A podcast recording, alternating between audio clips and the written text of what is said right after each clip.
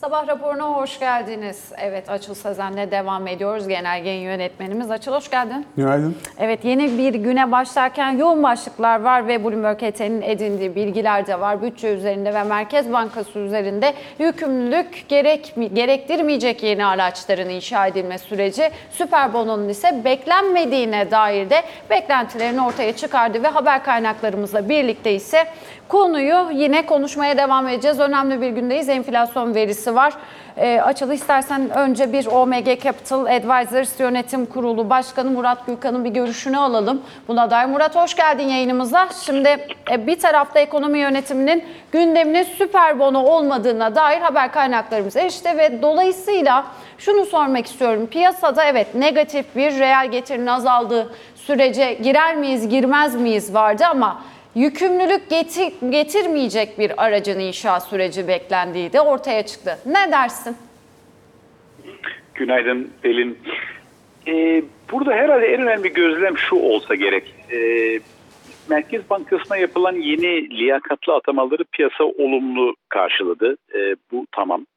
Ee, diğer yandan tabii yeni kadronun da e, belli siyasi kısıtlar çerçevesinde çalışmak durumunda olduğu da gittikçe netleşiyor. Yani faiz denen olgu Türkiye'de hala analitik veya bilimsel bir çerçevede değil, ideolojik olarak e, irdeleniyor maalesef. E, yani belli ki işte faiz işte muhtemelen 20'yi geçmesin gibi bir sınır konmuş. Hal böyle olunca merkezin son attığı adımlara baktığımızda e, bir takım başka düğmelere basarak, başka enstrümanlar kullanarak krediler tarafında faiz artışına denk gelen, faiz artışı muadili bir etki ortaya çıkardıklarını görüyoruz. Yani e, kredi büyümesini e, yavaşlatan, kredileri daha pahalı hale getiren bir takım önlemler e, alındı. Fakat ilginç bir şekilde bunun aynısının tasarruflar veya mevduatlar tarafında yansımadığını görüyoruz. O zaman da bana göre ortaya ilginç bir ikilem çıkıyor. Çünkü faiz arttırımının yani tüm dünyada ve Türkiye'de çok iyi bilinen bir fayda maliyet analizi var. Ee, hani bu İngilizce böyle pain and gain diye esprili bir şekilde tabir edilen. Ee, şimdi biz krediler tarafında ekonomi bir miktar soğutacak bu maliyetleri ortaya çıkarttık. Bu bu bu e, acı reçeteye tabiri caizse katlanacağız. Fakat buradan elde etmeyi ümit edeceğimiz çok önemli bir sacaya bana göre eksik kalıyor. O da TL'nin cazibesini arttıracak. İnsanları dolardan TL'ye geçmeye teşvik edecek. Yerli yatırımcı olabilir, yabancı yatırımcı olabilir. Böylece kura bir istikrar kazanın, kazandırıp e, enflasyon konusundaki beklentileri de törpüleyecek. Bunun e, yani bu maliyetin faydalı tarafı eksik kalıyor. Yani acı reçetenin acısı tam, e, tatlısı biraz az. Ee, sanırım bu eksiklikten dolayı acaba bir süper bono benzeri bir enstrüman mı çıkacak beklentileri oluştu. Şimdi bunun da çıkmayacağını e, anlıyoruz. Ki zaten böyle bir sefere mahsus özel tertip bono vesaire değil buradaki eksiklik. Yani daha kalıcı ve yapısal olarak insanları, tasarruflarını TL'de değerlendirmeye özendirecek bir dengenin ortaya çıkmasını hedeflemek lazım burada. Hani zaten krediler tarafında maliyetine katlanıyoruz bu işlerin bari de tasarruflar tarafında bu cazibeyi oluştursak e, diye bir beklenti var. Bana göre önemli bir eksiklik bu. E, fakat e, herhalde e, Merkez Bankası yönetimi de eminim bunun farkındadır. Onun için nasıl bir çözüm ile gelecekler bekleyip göreceğiz. Peki Murat özellikle şöyle bir soru e, sorayım. Biraz önce söylediğin konu önemli çünkü yani mevduat faizlerinin ciddi anlamda geri gelmiş olması Merkez Bankası açısından yeni bir enstrüman gelir mi gelmez mi o enstrüman ne olabilir tartışmalarını körüklüyor. Zira aslında mevduat faizlerinin aşağı gelmesini istiyor Merkez Bankası. Ancak bu sayede bankaların o kredi piyasasındaki sıkışmasını aşmak için pozitif net faiz marjı yaratma imkanına kavuştuklarını görüyor. Dolayısıyla hani bu aşamadan sonra özellikle kur korumalı mevduatın da ciddi bir yükümlülük olarak e, elimizin altındaki bir enstrüman olduğu dikkate alındığında nasıl bir formül çıkabilir? Yani bu süper bono olmayacak diyor e, ekonomi yönetimi bizim aldığımız bilgiye göre.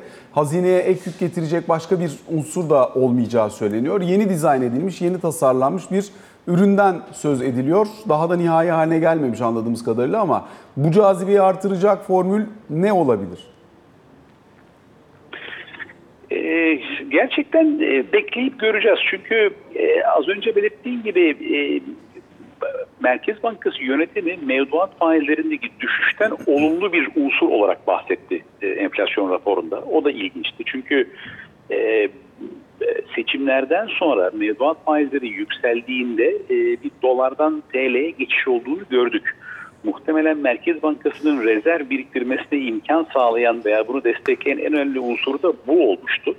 E şimdi tekrar e, yani enflasyonun zaten e, yükseleceği e, yani beklenti de demiyorum artık aşikar olduğu bir ortamda insanlara tasarruflarını e, işte enflasyonun 30-40 puan altında oranlardan e, değerlendirmesini beklemenin gerçekçi olmadığını artık e, biliyoruz. E, Merkez Bankası yönetimi de belli ki bunu biliyor. E, diğer yandan da bu siyasi kısıtlar var. Onun için de, de herhalde yaratıcı bir çözüm gelecek ama ne olacak? Ve tabii e, bir tarafta bu dolambaçlı yollardan e, kredi faizlerinde artışa yol açan adımlar. Diğer taraftan da işte tırnak içinde bu yaratıcı çözüm tasarruflar tarafında. E, yani tabii keşke bunları yapacağımızda daha basit, daha verimli, daha sarih, düz faiz arttırımı yapabilsek deyip bekleyip göreceğiz. Murat şimdi e, yapılan vergi artışları tüm bu e, gelen zamlarla birlikte enflasyon verisinde e, düşüş bir gördükten sonra tekrar bir e, zirveye doğru gidişatın yolu beklentilerin içerisinde. Bugün ise enflasyon verisini alacağız. Temmuz ayına ilişkin aylık beklentimiz Bloomberg HT'nin yapmış olduğu ankette 9,1'lik bir beklenti. Yıllık bazda ise 47,2.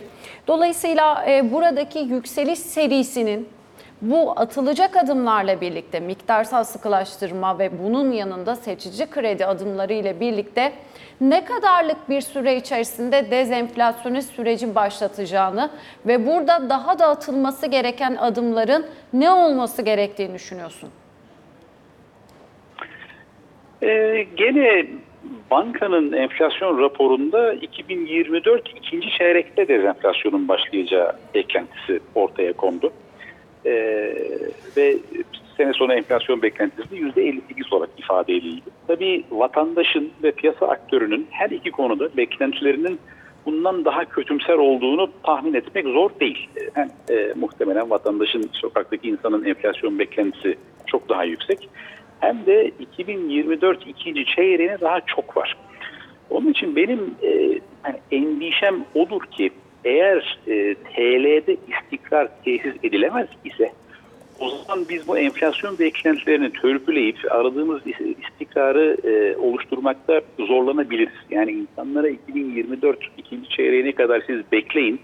TL'de kalanların da tasarrufları erisin ama sonra iyi olacak beklentisi yani e, banka son 3 hatta 2018 Haziran'dan belki bunun miladını almak lazım. E, yani Türkiye'ye hiç yakışmayan böyle adeta bir Afrika ülkesi enflasyon ligine çıktıktan sonra e, benim şahsen arzum enflasyon konusunda daha sert, e, daha dirayetli bir duruş sergilemesiydi. Dediğim gibi bekleyip göreceğiz. Yani bu en azından şu konuda daha iyimseriz. E, yani yeni Merkez Bankası yönetimi eskisinin aksine tüm bu konuştuklarımızın e, farkında ve içinde bulunduğu kısıtlar dahilinde de bir çözüm arıyor en azından. E, yani önceki Merkez Bankası yönetiminin öncelikleri farklıydı. E, onun için biraz daha iyimser olabiliriz bu konuda. Murat çözüm bekleyen konulardan bir tanesi sistemdeki likidite fazlası. Bununla ilgili olarak özellikle kur korumalı mevduat dönüşlerinde e, geçtiğimiz aylarda yaşanan Türk lirasındaki değer kaybı sonrasında e, piyasaya gelmiş olan bir Türk lirası vardı. Zorunlu karşılık düzenlemesiyle kur korumalı mevduatta bunun bir kısmı geri çekilmişti. Fakat şimdi kur korumalı mevduat maliyeti gelmeye devam ediyor ve önümüzdeki dönemde özellikle tabii Merkez Bankası'nın bunu karşılama potansiyeli açısından kendi bilanço kuvveti adına söylüyorum bunu. Ee, çok da kolay olmayacak gibi görünüyor. Önceki yılki maliyetlerin önemli bir kısmı Merkez Bankası'nın hem işte ihtiyat akçesinden hem de yıllık karından belli ölçüde karşılanabilmişti. Bu sene itibariyle öyle bir kar olma ihtimali biraz zorlaşmış görünüyor. Dolayısıyla sistemin içerisinde e, biraz fazla likidite kalma riski de söz konusu olabilir. Bu likiditeyi sterilize etmek için bir formül bulunması gerekecek gibi görünüyor. Ne dersin? E, aynen öyle. Yani çok e, hani böyle e, kıyametvari e, ifadeler tabii kullanmamız için bir sebep yok. Ama senin de belirttiğin gibi e, KKM'nin bir zaten kendi düz maliyeti var ve çok parlak bir fikir olarak ortaya atılan KKM döndü her şeyi yutan bir canavara dönüştüğü için hazine zaten ben bunun maliyetini karşılayamayacağım tamamını Merkez Bankası'na bırakıyoruz bunun dedi. Bunun da iki tane sonucu var. Bir tanesi piyasaya devasa miktarda bir TL likidite zaten çıkıyor. E, o zaman bir de biz kurda istikrarı sağlayamaz isek bu maliyetin kar topu gibi büyüme ihtimali var. Yani onun için bu e, yani TL'ye olan güven meselesinin e, birkaç boyutu var. Yani, yani enflasyonla beraber e, yani kur istikrarı ve tabii KKM gibi bir elimizde bir konu olduğu için yani bu kur istikrarı hakikaten ciddiyetle ele alınması gereken e, bir konu. İkincisi de e, işte e, mumzam karşılıkları arttırarak e, kalıcı bir sterilizasyon yapmanın mümkün olmadığını toplama çıkarma bilen herkes zaten görüyor. Yani e, çünkü arkadan devamlı yeni KKM ödemeleri gelmeye devam edecek. Normal bir düzlemde Merkez Bankası'nın agresif bir şekilde bunu sterilize etmesini bekleriz. Fakat o da siyaseten mümkün olmadığına göre bu az önce başladığımız, e, bahsettiğimiz tırnak içindeki yaratıcı çözümün birden fazla konuya e, e, e, tedavi etmesini, birden fazla konuyu çözmesini bekliyoruz. İlginç olacak. Hakikaten çetrefilli bir konu. Murat Gürkan çok teşekkür ediyorum aktardıkların için, detaylar için diyoruz ve Açıl Sezen ile birlikte devam ediyoruz. Açıl aslında Merkez Bankası yılın 3. enflasyon raporu sunumunda Sayın Erkan'ın Türk lirası araçlarını çeşitlendireceğiz ifadesinden çıktı ve piyasada öyle bir beklenti oldu ki enflasyon üzerinde geçmişe dönüldü. Süper bono tekrar masanın üzerine kondu. Fakat beklenti olarak kaldığını dün itibariyle haber kaynaklarımızla birlikte öğrendik. Gündem şu an süper bono değil fakat neler bekleniyor? Nasıl bir şey dizayn edilecek? Şimdi biraz önce Murat da aktardı. Yani bunun perde arkasındaki ihtiyaç şu. e, faiz şu an itibariyle işte 8,5'tan 17,5'a geldi. Fakat geldiği nokta e, hala orta ve uzun vadede bir reel getiri e, beklentisi içinde olan yatırımcı açısından nispeten düşük. Biraz önce yine Murat'la da konuştuğumuz gibi özellikle regülatif düzenlemelerle mevduat faizleri seçim öncesinde çok yükselmiş. 40'ların üzerine kadar gitmişti. Bunun da hızlı bir şekilde aşağı gelmesi sağlandı. Çünkü eğer o aşağı gelmeyecekse bankaların da kredi faizleri üzerinde bir sınır olduğu için bankalar kendi maliyetlerini kurtaramadıkları için kredi piyasasını işlevsiz hale getirmişlerdi. Yani kredi dönmüyordu piyasada. Dolayısıyla bunun aşılabilmesinin yolu ya faizde sınırı kaldıracaksın, faiz yukarı gidecek, alabilen alacak. Hani maliyeti kurtaran alacak. Böyle bir yöntem olabilirdi.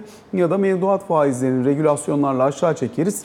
Dolayısıyla bu aşağıya gelir. Kredi faizlerinde de alt katsayıyı kaldırdık. Üstte işte 38'ler civarında bir maliyet var. Dolayısıyla 30'larda mevduat, 38'ler civarında da bir e, kredi tavanı var. Hani bununla işlevsellik kazanabilir. Bu gerçekten çalıştı bu arada. Yani ticari kredilerde özellikle o çok ciddi daralma evresinin bir miktar daha geride kaldığını, ufak ufak ticari kredilerin çalışmaya başladığını gözlemliyoruz. Dolayısıyla hani planın bu bacağı tuttu. Fakat neresi tutmadı? Bu sefer 30'lara doğru mevduat faizi gelince hatta daha altına kayma riski belirince ister istemez enflasyon beklentileri de bu arada çok yükseldi. E, Yani hem kur %30'un üzerinde değer kaybetti hem aynı zamanda vergiler geldi. Fiyatı yönetilen, yönlendirilen kalemlerin hepsinde muazzam bir artış oldu. Enflasyon beklentileri 60'ların üzerine gitti. 60-70 arasına Evet, kaydı. doğru. E şimdi 30'larda mevduatla gelecek bir yıl içerisinde edineceğim faiz kabaca 30'lar civarındaysa e, 70'lere doğru 65-70'lere doğru gitme potansiyeli bulan bir enflasyonda çok da fazla TL yatırımı arayışı içinde olmayacaksın demektir. Dolayısıyla hani şu aşamada aslında bütün enstrümanların hepsi birbirine bağlantılı hareket etmeye çalışıyor. E, o yüzden şu anda mesela kur korumalı mevduata e, ilginin, teveccühün bir miktar daha artma potansiyeli var. Yani çünkü e, eğer Türk lirası mevduat yeterince cazibe tanımıyorsa işte belki ya dövize geçebilirsin. Yeniden döviz alabilirsin. Veya kur korumalı mevduatta kalıp oralarda da çünkü 20'ler 22'ler civarında maliyet var. Yani düz TL mevduata 30 alacağıma ya da 28 alacağıma Kur riskini içine hani kur riskini edelim. içine e, katmış bana bedava opsiyonu vermekte olan kur korumalı mevduata dönebilirim. Doğru. Ama bu da çok istenen bir şey mi ondan da emin değilim. 3 trilyonu aştı maliyeti e, o anda. yüzden yani hani o enstrümanın bir yerde e, küçülmeye başlaması lazım. Yani kur korumalı mevduat ilk çıktığı tarih itibariyle Türkiye için çok büyük avantaj. Ve o dönemki bütün problemi çözen enstrümandı.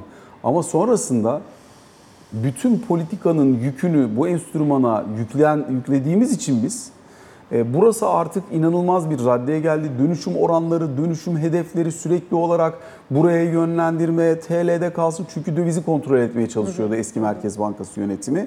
Dolayısıyla o döviz akımını kontrol edebilmek için herkesi buraya yönlendirdi. Şimdi döviz kontrolünü peki bıraktık kısmi olarak diyelim. Son e, iki haftadır kur gene biraz daha stabilize olmuş görünüyor. Yani var piyasada e, kamu onu net hissedebiliyoruz. Ama hani burada sonuç olarak baktığında çok ciddi bir risk birikti, maliyet birikti kur korumalı mevduat üzerinde. E buraya da çok fazla yüklenmek istemiyoruz. Süper bono tartışması buradan çıktı. Evet.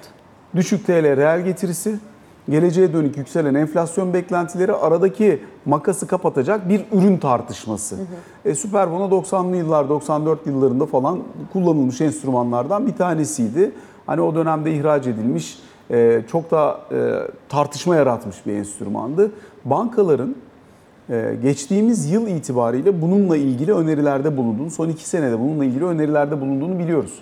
Ama elde KKM gibi bir yük ve maliyet varken daha fazla yük ve maliyet taşıyacak bir enstrüman olmaz diyor şu anki ekonomi yönetimi bizim öğrendiğimiz kadarıyla. Nasıl bir şey dizayn edilebilir peki? Yepyeni bir ürün gelebilir deniliyor. Mesela bu tür problemleri çözebilmek için daha önce 2018 yılında o kur şokunu yaşadıktan sonra e, enflasyon endeksli mevduatlar çıkmıştı. Fakat o dönemde e, o dönemin ekonomi yönetimi çok hızlı bir şekilde e, konvansiyonel politikaya geçmiş. Orta vadeli programla birlikte hatırlayacak olursak e, o program sonrasında zaten enflasyon faiz de çok hızlı yükseltildiği için yani 24'ler civarına gelmişti. Daha sonrasında iş normalleştiği için o enstrüman çalışmamıştı. Şimdi enflasyona endeksli mevduat bu bankaların çıkardığı bir üründü zaten. Evet. Hani o dönemde çalışmadı. Yani çok da ihtiyaç duyulmadı diyelim.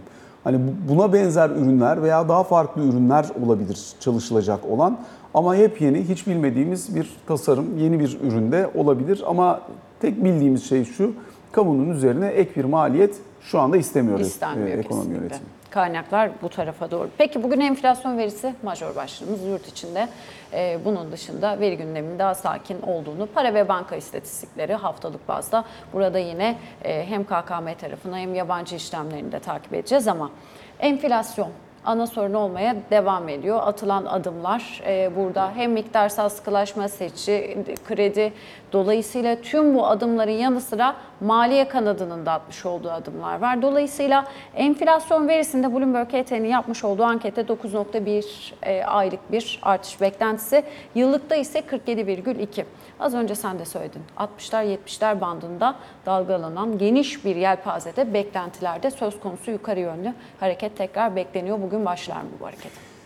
Tarihi bir enflasyon, Temmuz enflasyon verisi göreceğiz. Yani e, çift taneye yakın senin de söylediğin gibi anket 9.1 e, öngörüyor. E, dolayısıyla çok yüksek. Yani hani 10 gelmesiyle 9.1 gelmesi Arasında arasında çok büyük bir fark fark yok. yok, vatandaşın hissedebileceği.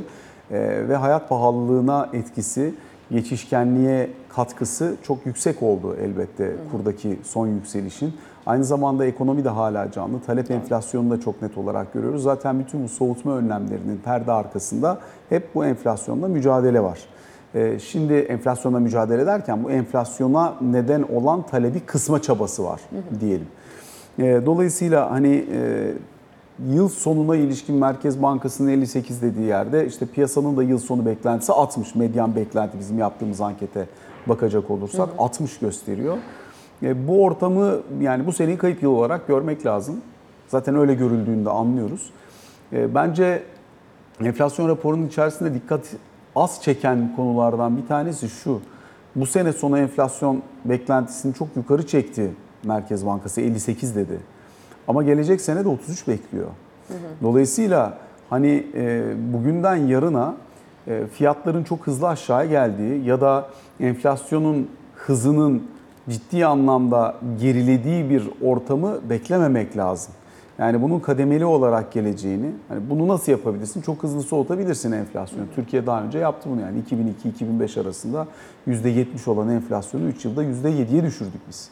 Ama nasıl yaptık? Çok hızlı bir ekonomiyi soğutma planı, programı, beraberinde çok hızlı bir mali disiplin programı, işte milli gelirin %6,5'u kadar faiz dışı fazla verecek bir program, ciddi bir bütçe disiplini, net borç ödeyicisi konumuna geçen bir Türkiye bu hikaye Avrupa Birliği çıpasıyla birlikte çok sağlam çalıştı. Muazzam da bir kaynak girişi oldu Türk ekonomisine.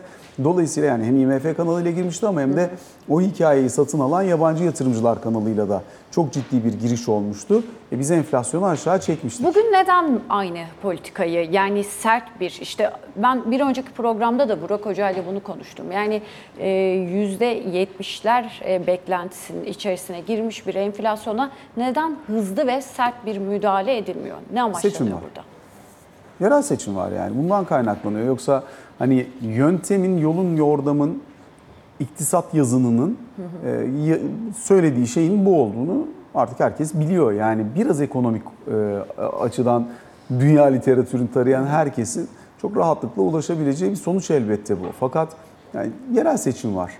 Dolayısıyla yerel seçimlerin öncesinde herhangi bir siyasi iktidardan yani seçim sonucu farklı olsaydı da bundan farklı bir politika beklenemeyebilirdi. Yani çok hızlı ben faizi artırayım bir anda ortalık böyle öyle bir ortam da yok. Çünkü faizi çok hızlı yukarı çektiğin takdirde oluşacak birçok komplikasyon var. O komplikasyon sadece ekonomi çok hızlı soğudu, seçimi de kaybettirecek ölçüde soğudu gibi de değil.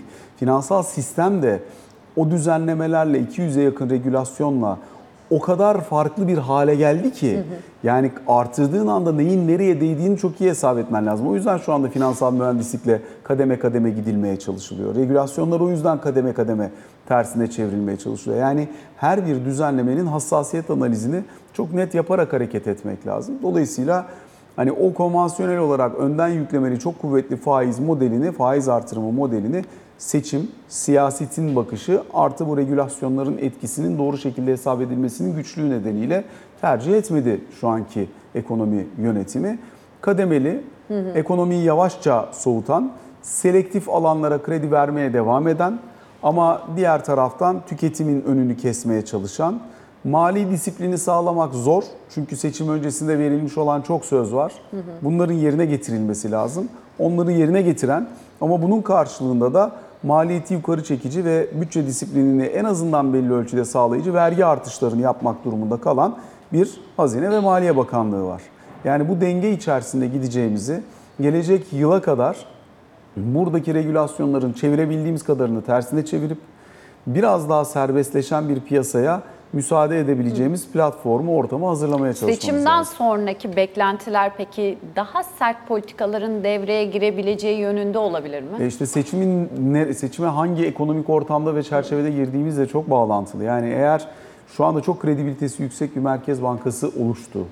Ekonomi yönetiminin kredibilitesi çok yüksek. Piyasa nezdinde de çok yüksek ve bu çok değerli. Yani çok uzun süredir görmediğimiz değerde bir kredibilite var Evet, burada. doğru.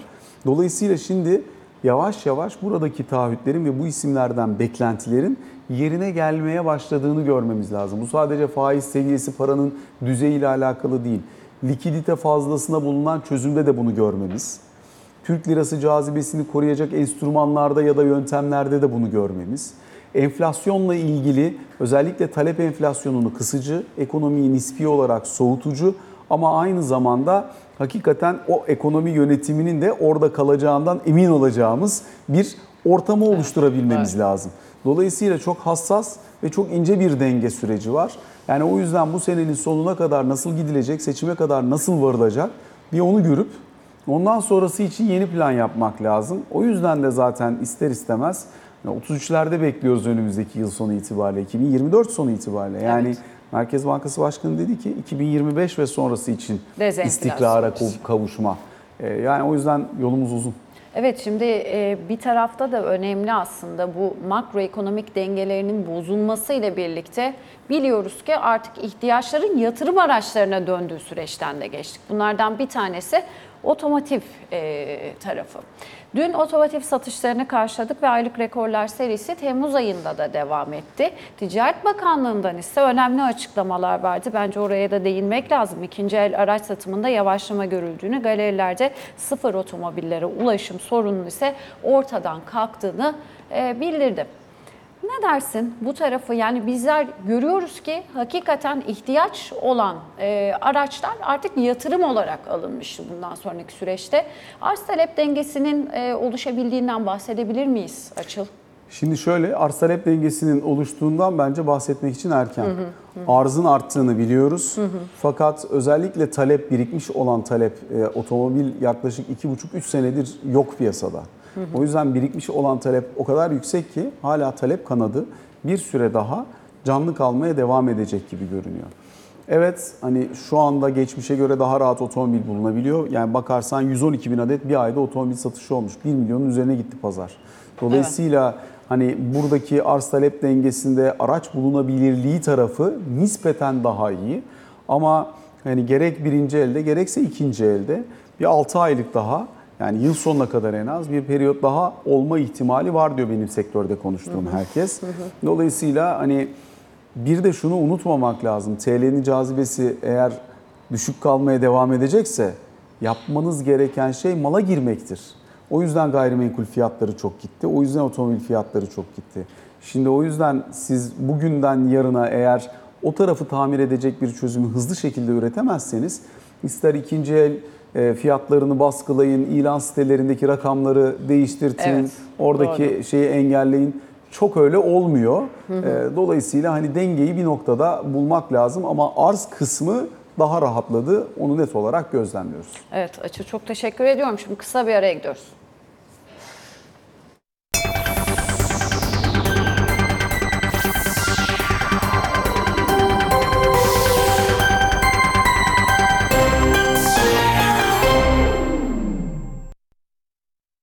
Sabah raporunda kaldığımız yerden devam ediyoruz ve aramızda Ali Can Türkoğlu da katıldı. Acan hoş geldin. Günaydın. Evet şimdi e, Cumhurbaşkanı Recep Tayyip Erdoğan Rusya Devlet Başkanı Vladimir Putin'le birlikte telefon görüşmesi gerçekleştirdi. Beklenen e, bir görüşmeydi. Ayrıntılar sende.